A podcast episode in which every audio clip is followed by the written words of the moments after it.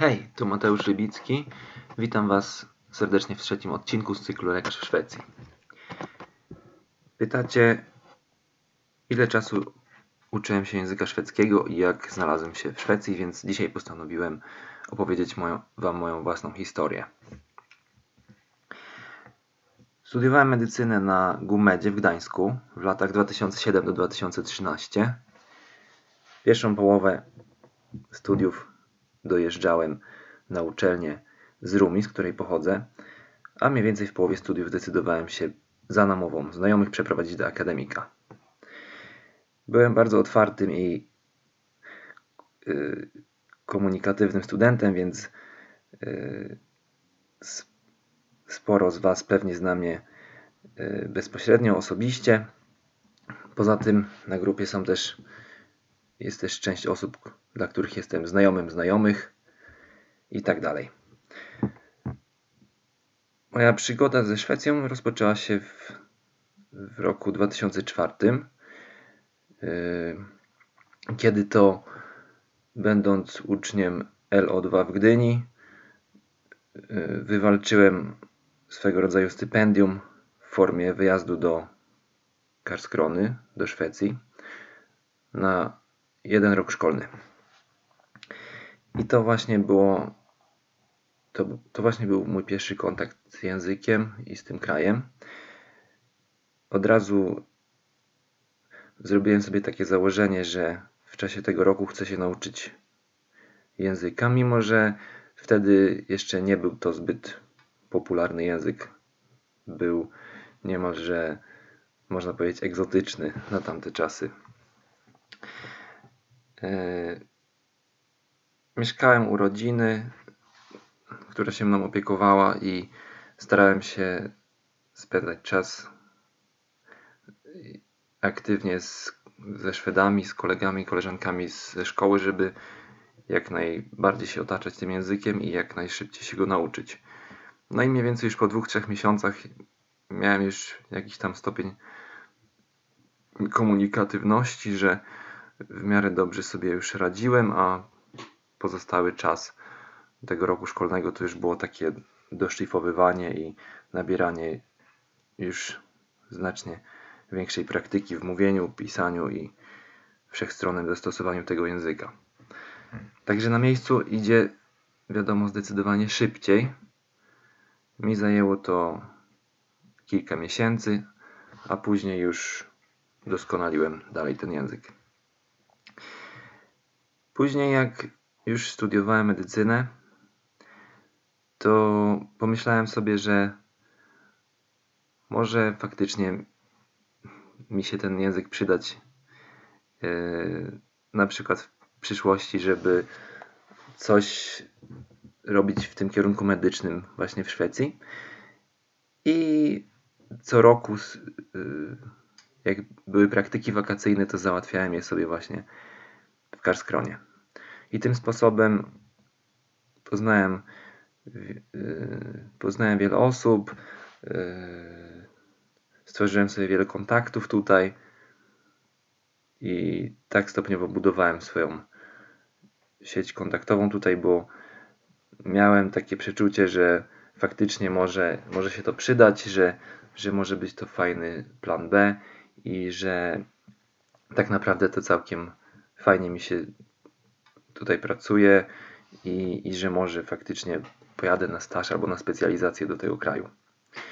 Warto też wspomnieć, że w drugiej połowie studiów yy, dzięki moim znajomym z English Division dowiedziałem się, że jest możliwość również pracy w wakacje jako pielęgniarz w Norwegii.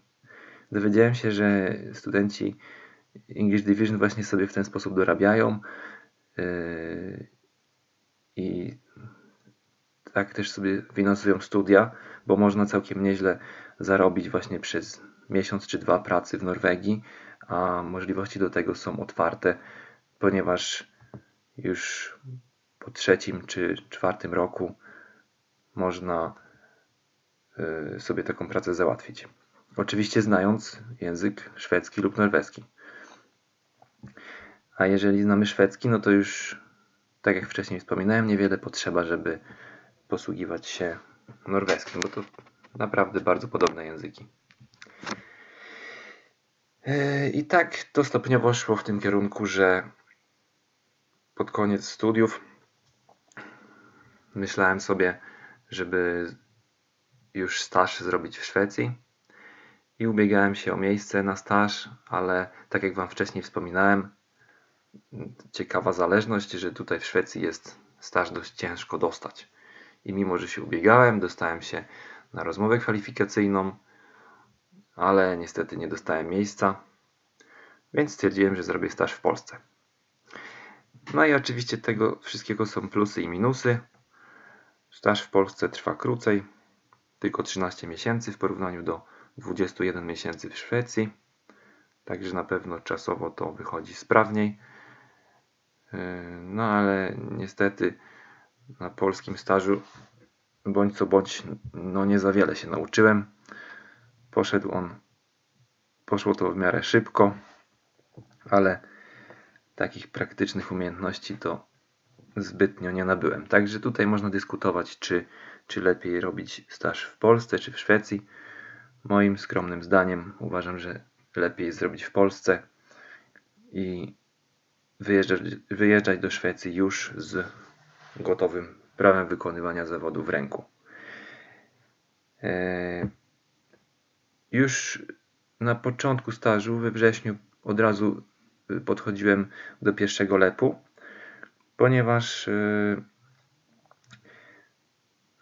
i, i zbytnio się do niego nie, nawet nie przygotowywałem. Właściwie nie poświęciłem na niego ani chwili nauki.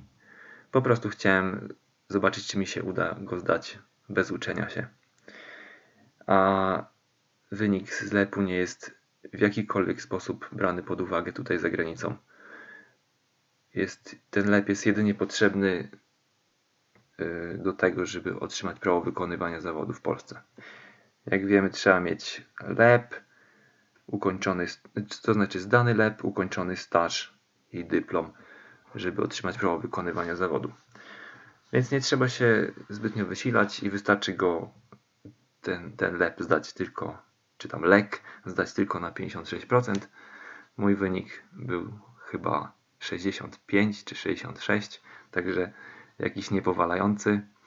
Później jeszcze dla samego fanu podchodziłem drugi raz e, w lutym i, i tamtym razem już się uczyłem kilka tygodni, czy nawet miesiąc, czy półtorej.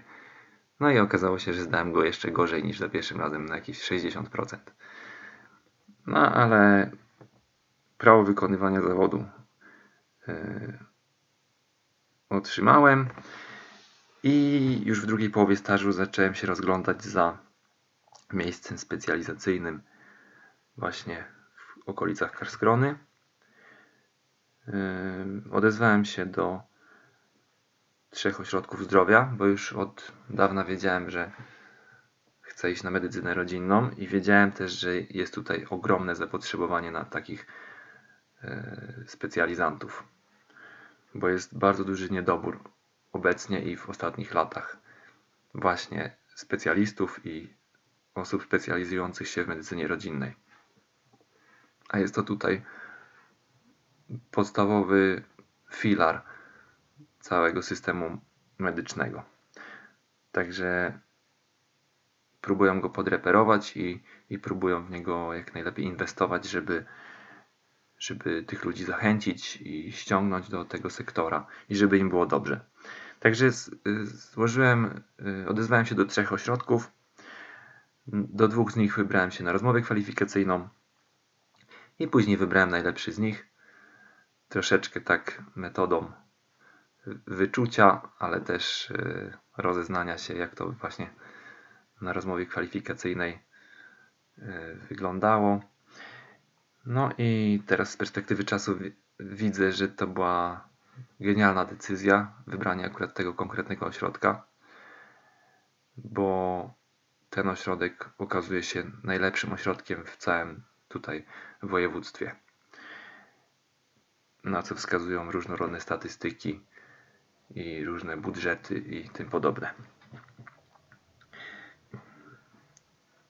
Tak, ale zanim, zanim zacząłem staż, to jeszcze zrobiłem sobie trochę wolnego i skończyłem staż w październiku 2014 i później przez jakiś czas jeszcze podróżowałem, później przez chwilę byłem bezrobotny i ostatecznie już mając to wcześniejsze miejsce na oku, które już sobie upatrzyłem, rozpocząłem staż, rozpocząłem specjalizację w lutym 2015 roku, na początku lutego.